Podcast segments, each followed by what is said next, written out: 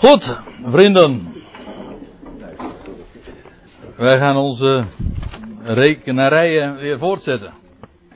En ik ben uh, gewezen op een, uh, op een aantal, nee niet een aantal, uh, een foutje hier op deze laatste dia over dat, 9, dat, dat 949, dat moet eigenlijk, die, die x of komma zoveel jaar, dat kan gewoon weggelaten worden. die, die PowerPoint die moet ik uh, bij publicatie nog eens eventjes goed de puntjes op de i zetten. Ja, narekenen precies. Ik ben blij dat ik door, nagerekend word. Want uh, ja, alleen als het uh, keihard is, dan is dit, dan is dit zo mooi.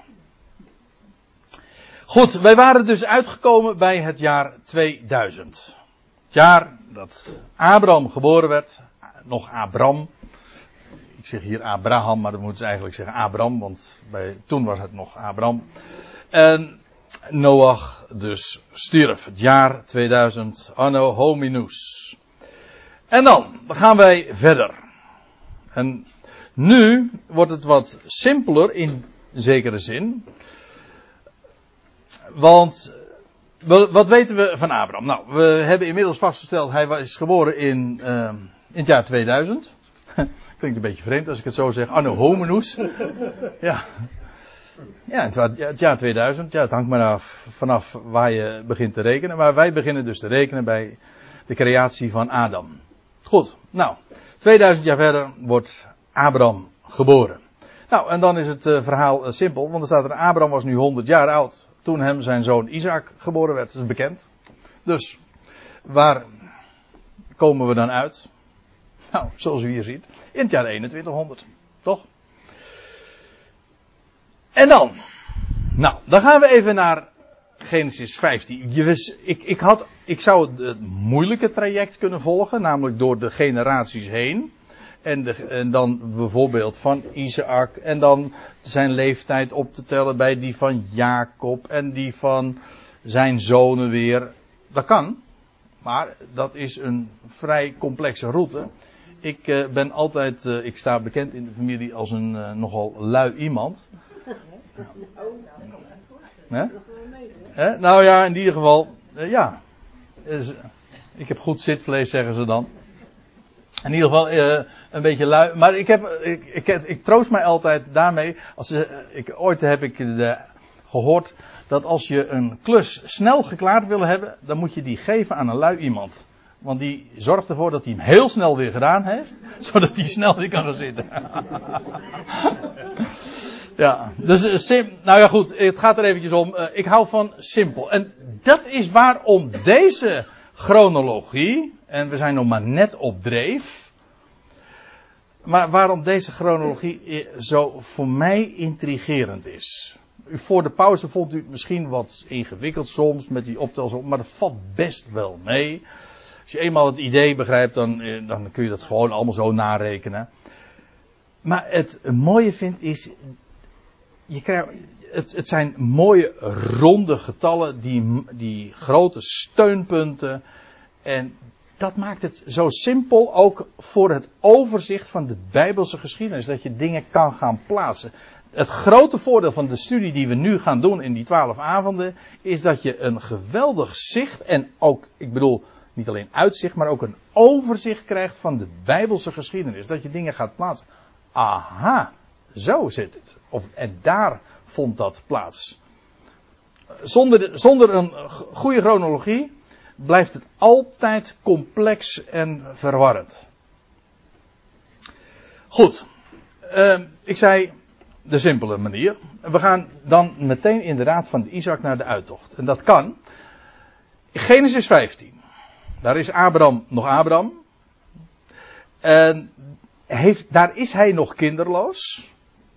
Het zou nog een hele tijdje duren trouwens voordat hij daadwerkelijk. Ja, het was zelfs nog voor de geboorte van Ismaël. Ver daarvoor. In elk geval, dan wordt een belofte aan hem gedaan. Een belofte bekrachtigd, moet ik zeggen. En er verbond met hem gesloten. Dat Abraham. Uh, dat er dieren geslacht worden en dat die dieren worden aan beide kanten dan neergelegd en dat de Heere God daar dan tussendoor gaat. En Abraham slaapt. Een schitterende geschiedenis. over dat hoofdstuk hebben we het. Genesis 15. Heel wonderlijk verhaal. God, Abraham slaapt en God trekt zijn spoor. Alleen, alleen daarmee heb ik eigenlijk al gezegd hoe dat in de Bijbel uh, gelegen is. De Heer werkt, Hij doet het. En wat deed Abraham? Snurken, slapen, niks, rusten. En uh, zo ging het. En dan wordt er tegen Abraham gezegd, hij, met een hoofdletter, God dus, zei tot Abraham, weet voorzeker. Dus hier wordt hem echt iets gegarandeerd. Dat uw zaad, had hij nog helemaal geen zaad, geen nakomelingen. Weet voorzeker dat uw zaad vreemdelingen zullen zijn in een land dat het hunne niet is. Moet je nagaan, hij heeft nog niet een zaad en dan wordt er dit, dit al tegen hem gezegd. Dat uw zaad vreemdelingen zullen zijn in een land dat het hunne niet is. En trouwens, Abraham vertoefde ook in een land dat het zijne niet was. Het was hem wel beloofd, maar hij heeft er geen, geen, geen, helemaal niks in gehad. Niks. Behalve een graf, inderdaad. Ook heel veelzeggend. Van zijn, nou ja. Vreemdelingen zullen zijn in een land dat het hunne niet is, eh, wordt er dan gezegd. En dat zij hen dienen zullen. En dat die hen, dus in dat land, eh, hen zullen verdrukken. 400 jaar. Voorzeker. Doch ook, staat er dan bij, doch ook het volk dat zij zullen dienen. Wij, achteraf weten wij natuurlijk hoe het gegaan is. Ja, dat is makkelijk praten. Maar God zegt hier, is nog voor honderden jaren van tevoren, wordt dit al gezegd. Niet alleen dat, dat Abraham nageslacht zou verwekken en krijgen. Maar ook wat er met het nageslacht zou gebeuren. Dat het, dat het nog honderden jaren zou duren voordat het land waarop hij, waar hij zich uh, bevond, dat dat inderdaad het eigendom zou worden van zijn nageslacht. Het zou nog honderden jaren duren, meer precies 400 jaar. En dan staat erbij dat ze verdrukt zullen worden, en dat, maar ook het volk dat zij zullen dienen, zal ik richten. Wij weten hoe het gegaan is.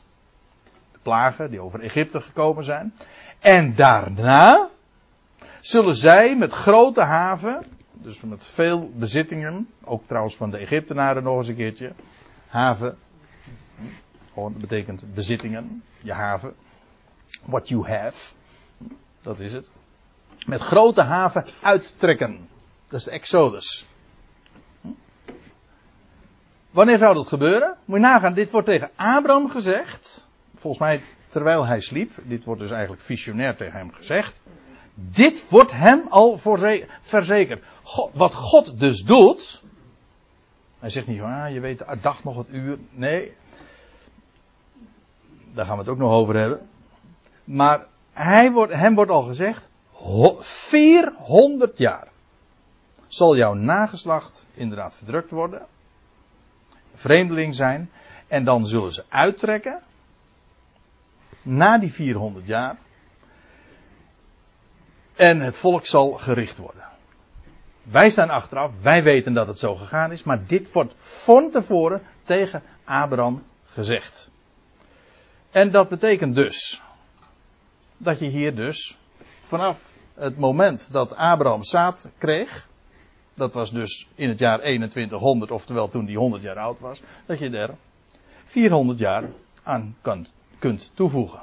Hm? En dan kom je uit in 100 jaar, 200 jaar, 300 jaar, 400 jaar. En daarna zou het volk uittrekken. De uittocht. En dat zou dus zijn, inderdaad, in het jaar 2500. En dit wordt op alle mogelijke manieren bevestigd. Dit staat in Exodus 12.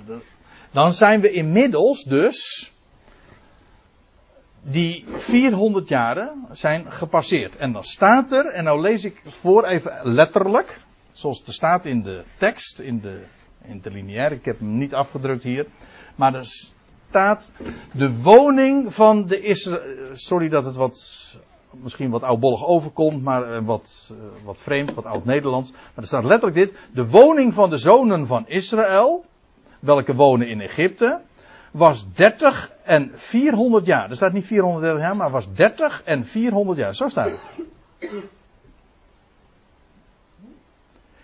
En aan het einde van, de, van 30 en 400 jaar, er staat er nog bij, juist op de dag af, niet alleen op het jaar nauwkeurig, maar op de dag af gingen al de legerscharen van Yahweh, dat wil zeggen het hele volk van Israël, dat was een legerschaar, uit het land Egypte. En daarmee wordt feitelijk ook gerefereerd aan die 400 jaren die al waren voorzegd. Bij, uh, in de dagen van, van Abraham dus. Toen hij nog ineens kinderen had. Nou. Die 30 jaren. Die 30 jaren waar hier over gesproken wordt. Dat is de roep, eh, vanaf de roeping van Abraham in Ur tot aan de geboorte van Isaac. En die 400 jaar slaat op de tijd van, uh, vanaf de geboorte van Isaac tot aan de Exodus, oftewel de uittocht. Nog anders, in het jaar 2000, anno hominus, werd Abraham geboren. In 2070 werd hij geroepen in Ur en kreeg hij de belofte van God. Vervolgens is hij uitgetrokken uit Ur, maar blijven hangen in Haran, weet u wel, want daar overlijdt Tera. Daar hadden we het toch eerder over, weet u nog? Dat was dus in 2075. En in 2100 wordt Isaac geboren. En 400 jaar later vindt de uittocht plaats. En dat is dus precies 400, of laat, laat ik het anders zeggen, 30 jaren en 400 jaren. Zo staat het er. En die 430 jaren, of zo u wilt 30 en 400 jaren, die vind je dan ook terug in, uh, in de geschriften van Paulus. Ik verwijs hier al naar Galaten 3, vers 16.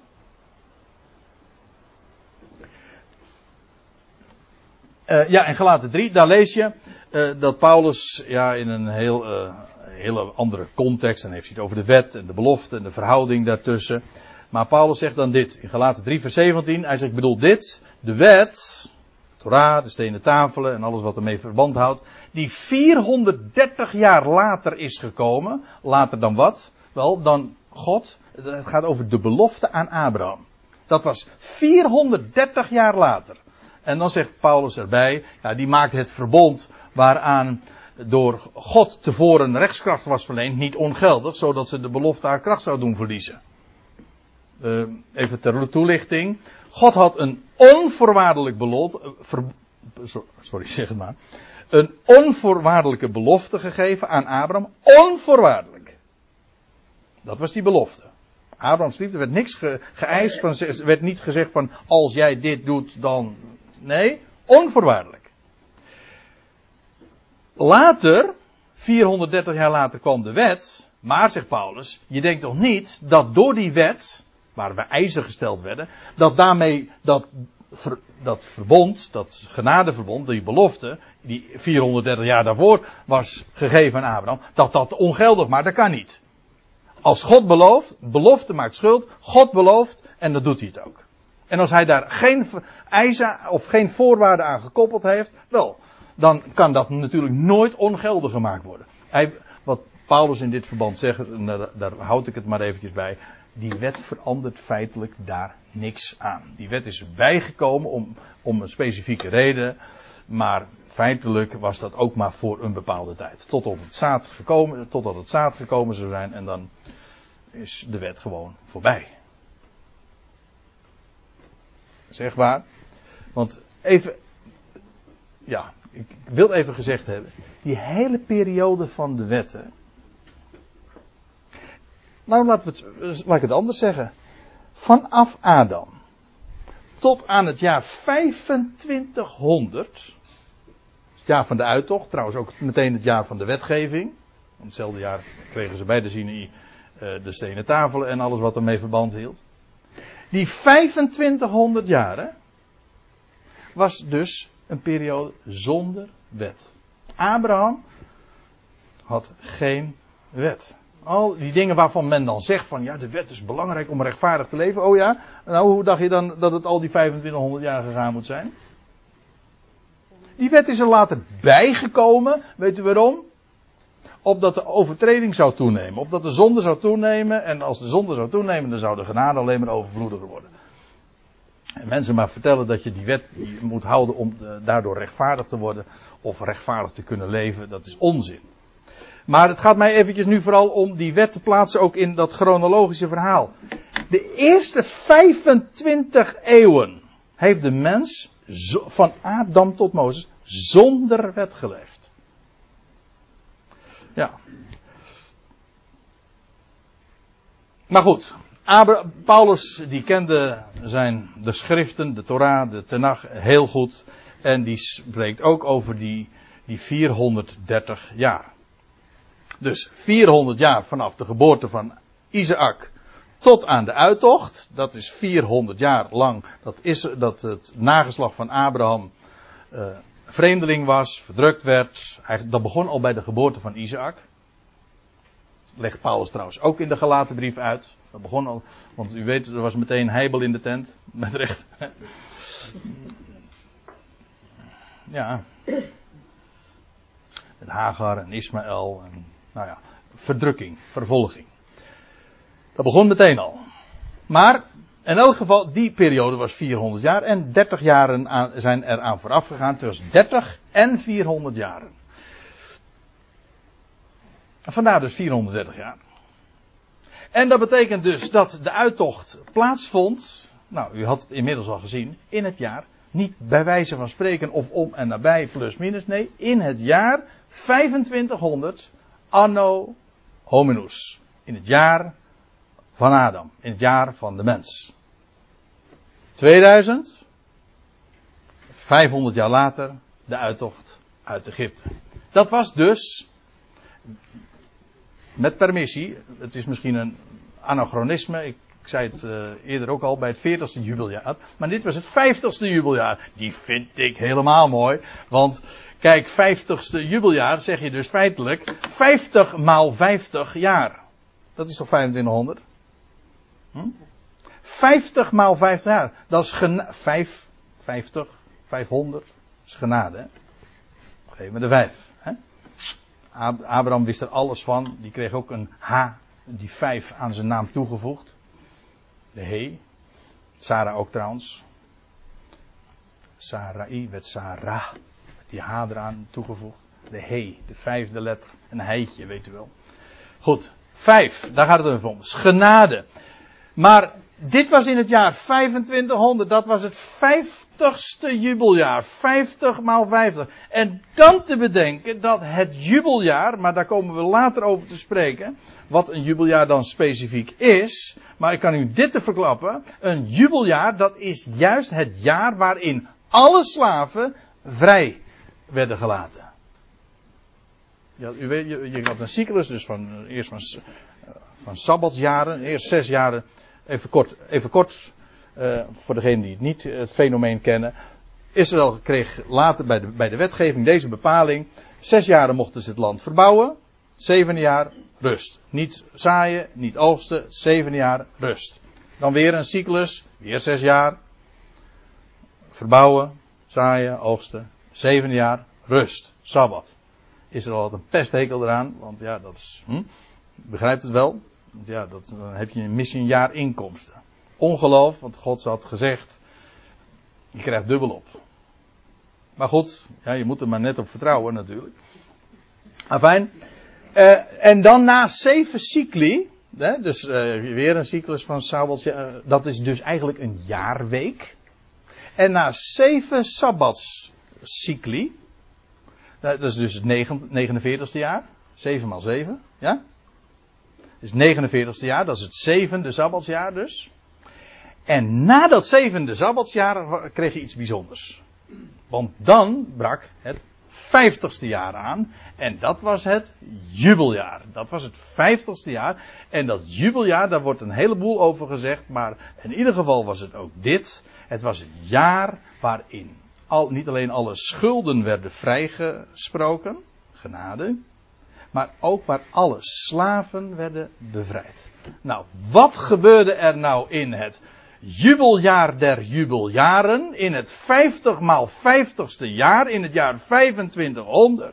God leidt zijn volk uit, uit het slavenhuis van Egypte. Is dit timing of niet? Dit is toch geweldig? Als, dit, dit verzin je niet.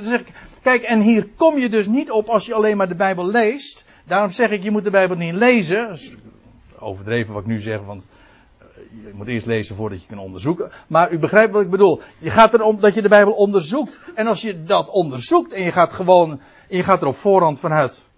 God zegt dat niet zomaar. En je, en en je, en je vult dat in en je, gaat je, gaat, je gaat rekenen. Gewoon zoals God die getallen geeft. Niet voor Jan Doedel, als ik het even oneerbiedig mag zeggen. Nee, geeft die getallen gewoon. En je rekent, dan kom je tot geweldige ontdekkingen. En dan kom je tot ontdekking dat Abraham in het jaar 2000 geworden werd. Wauw, een heel nieuw millennium. Een hele nieuwe fase in Gods plan.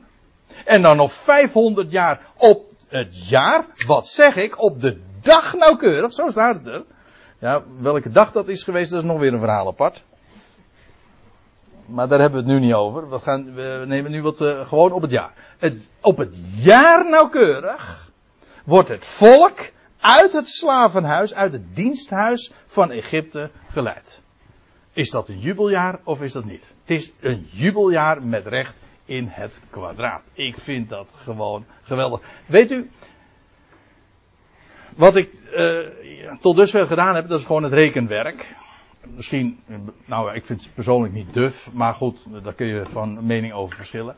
Maar dit is voor mij, de, hoe, zeggen, ze dat in het Engels ook weer? The proof, the proof of the pudding is in the eating. Kijk, dit uh, is voor mij, dit is precies de proef op de som. Nou weet ik van, aha, dit klopt. Dit is goddelijk design. Zo moet het wezen. Dit klopt. Nou, dan weet ik, toen ik dit ook las, ik, ik, zal, ik, ik, gaf in de pauze al even aan hoe ik op deze dingen was gekomen, maar ik had een jaar geleden, nou krap jaar geleden, had ik al van iemand een PowerPoint toegestuurd gekregen. En dat ging ook over die chronologie en waarin deze dingen onder andere naar voren werden gebracht. En ik vond het, mijn eerste reactie was zo vlug, nou, te mooi om waar te wezen. Toen werd ik er later nog eens mee geconfronteerd en toen wilde ik dat dus even nalezen, uh, narekenen. Waarachtig mensen, dit klopt, het is echt gewoon waar. Ja. En, en dan zie je het ontwerp, dan zie je het design erin en dat kan niet missen. Dit is, dit is inderdaad Gods werk, zijn creatie. Alles heeft hij perfect gemaakt op zijn, voortreffelijk op zijn tijd. Kijk, en, ja, en zo gaan we straks in de loop der avonden nog veel meer van dit soort dingen zien. We hebben nu een hele grote hap van de tijd genomen. Maar de volgende avond zullen we ons uh, tot 500 jaar gaan beperken. De volgende 500 jaar. En dat is weer zo'n bijzondere tijd. Dat verzin je ook niet. En zo blijft het doorgaan. U bent gewaarschuwd. Echt waar.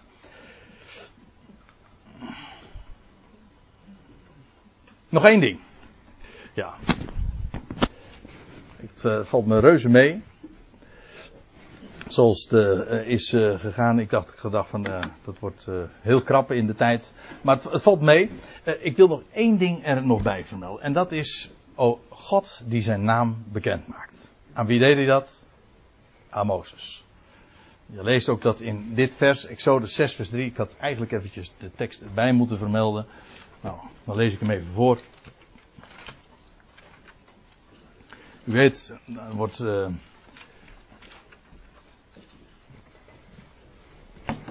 Mozes geroepen. Nou, dat is eigenlijk na zijn roeping, maar dan lees je in vers 3 van hoofdstuk 6. Voortsprak God tot Mozes en zei tot hen, ik ben de Heer, ik ben Yahweh, ik ben aan Abraham, Isaac en Jacob verschenen als God de Almachtige, eigenlijk als El Shaddai. Maar met mijn naam Yahweh, heren, ben ik hun niet bekend geweest. Nou ja, en dan wordt dat, uh, eigenlijk werd dat daarvoor ook al, uh, had de Heer zich in, bij de brandende braamstruik ook zo al voorgesteld. Maar hier wordt dan gezegd, aan die naam, daar zit meer aan vast dat ik nu kan uitleggen, maar uh, die naam wordt aan Mozes in die generatie aan hem bekendgemaakt. Nou voor dit juist ook in het kader van waar we het over gehad hebben vanavond. De naam van God. Je, leest in het Hebreeuws van rechts naar links. Rechts heeft voorrang, toch? Daar begin je. Ja, het is een beetje een onduidelijke letter, maar dit is een jut. U weet, jut staat voor de tien. Dus de tiende letter. Dan krijg je, zo schrijf je de naam van God. Dit zijn de eerste twee letters. De eerste jot, dan krijg je de he. Dat is de vijfde letter. Een heitje, waar we het al over hadden. Dus die letter die Abraham aan zijn naam toegevoegd kreeg. Van Abraham werd hij Abraham. En Sarai werd Sarah. Allebei kregen ze een he aan hun naam toegevoegd. Ja. Ja, met recht. Dan volgt de waf. Dat is eigenlijk een koppel. Uh, ja, is ook in het Hebreeuws de, de n of, de, een koppelwoord. Hoe zeg je dat nou? Een voegwoord, ja. Een voegwoord, ja. Een, een, een waf, eigenlijk, een, een waf, dat is leuk. Een waf is in het Hebreeuws een haak. Maar het heeft ook inderdaad de betekenis van een voegwoord. Het voegt de woorden aan elkaar. Maar in ieder geval, het is de zesde letter. En Hebreeuwse letters, dat zeg ik er eventjes dan bij. Dat, ik ging er eigenlijk gemakshalve vanuit dat u dat wist. Maar een Hebreeuwse letter is ook een cijfer. Zoals bij ons Romeinse letters ook cijfers zijn. Het Hebreeuws is dat ook zo. Waarom zeg ik dit nou allemaal? Wel, er volgt nog een naam, een letter, dat is de He. Dit is de naam van God. Yahweh. Of ja, JW. Jehovah zeggen andere mensen. Ik houd op Yahweh. Maar, zoals dat in de vertaling dan staat, de, de Heere. Allemaal kapitaalletters. Die naam van God bestaat dus uit een Jod, een He, een Waf, een He. Oftewel uit 10, 5, 6, 5. Oftewel, als je die optelt, kom je aan 26. De naam, de naam, vandaar ook dat het, is heel veel over te melden, maar de, die naam van God staat voor het getal 26. Maar wat is nou zo bijzonder? Mozes was de 26e generatie. En was onderverdeeld in eerst tien geslachten, dat hebben ze gezien, van Adam tot Noach, tot de zondvloed. Dan krijg je vijf geslachten, tot de verdeling. Dan krijg je weer zes geslachten tot Isaac. En dan krijg je de geslachten die in Egypte verbleven. Eindigend, nou u, ziet het, ik heb ze hier allemaal genummerd. Eindigend bij de 26e generatie. Mozes. En aan de 26e generatie, aan Mozes, maakt hij zijn naam bekend. Yahweh. Ik ben er. Maar wat hier natuurlijk ook in blijkt, is dat God echt de tijden en de geslachten beheerst en zijn naam niet voor niks pas geeft aan de 26e eh, generatie. En dat hij niet voor niks in het jaar 2500, oftewel in het 50ste jubeljaar, zijn volk uit het diensthuis uit Egypte leidt. Dat is allemaal zo'n geweldig design en ontwerp. Ja, ik, ik blijf dat woord gebruiken, want dat is iedere keer wat het, het, woord wat mij te binnen schiet. Dit, dit verzin je niet. Dit is zo geweldig bedacht door onze God. Nou, en dat zijn uh, van die dingen die ik nou zo graag wil delen. En uh, ik, uh, er werd voordat ik met deze Bijbelavond begon, toen zei uh, Corrie Pijper, mag ik je naam noemen, bij deze zegt van, goh, waar ga je het allemaal over hebben? Zo, ik weet nu al, mijn tijden zijn in uw hand en wat moet je daar allemaal over zeggen? Ik zei, nou, ik heb een ander probleem en dat is dat ik, hoe kan ik in twaalf avonden dit onderwerp een beetje fatsoenlijk uit de doeken doen? Maar het moet, het moet wel gaan lukken hoor.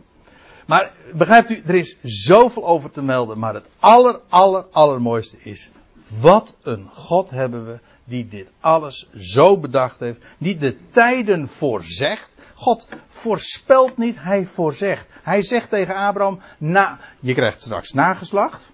Abraham wist, had geen idee hoe, die, hoe dat voor elkaar moest uh, gebokst worden. Hè? Want zijn vrouw was onvruchtbaar en bovendien al zwaar over de leeftijd. Of hoe zeg je dat? Zwaar over de tijd. Over de datum, ja. Zoals niet over tijd. Nee, als je over tijd bent, dan zit het goed, ja. Nee, zoals over de datum, begrijpt u? Maar God zegt, jij, ik verwek leven uit de dood. Nou, ik ben een levende God, zoals Wolter al zei. God is een levende God. Waarin bewijst hij dat? Nou, doordat hij leven uit de dood verwekt. Waar de, de mens is aan zijn plafond, zegt, aha, dat zegt God van, dat is mooi, want dat is mijn vloer. Daar sta ik op. Waar jij eindigt, daar begin ik. Ja, en, en hij voorzegt, maar dat betekent, dat, hij kan voorzeggen, omdat hij alles in zijn handen heeft. Het is perfect onder controle.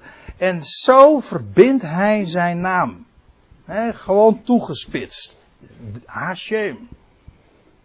En dat doet hij allemaal zo door de geslachten heen. Niet volgens een willekeurige ordening. Nee, 10, 5, 6, 5. Zo. Met alle bijkomende betekenissen. Wat een, wat een inhoud krijgt daarmee dat alles. Nou, daar, eh, daar eh, kan ik nou echt enthousiast over worden. En uh, u hopelijk en wellicht ook. Ik stel voor dat we het hierbij moeten laten. Want het is vijf voor de. Nee. nee. Ik stel voor dat we deze avond nog zullen afsluiten met dankgebed.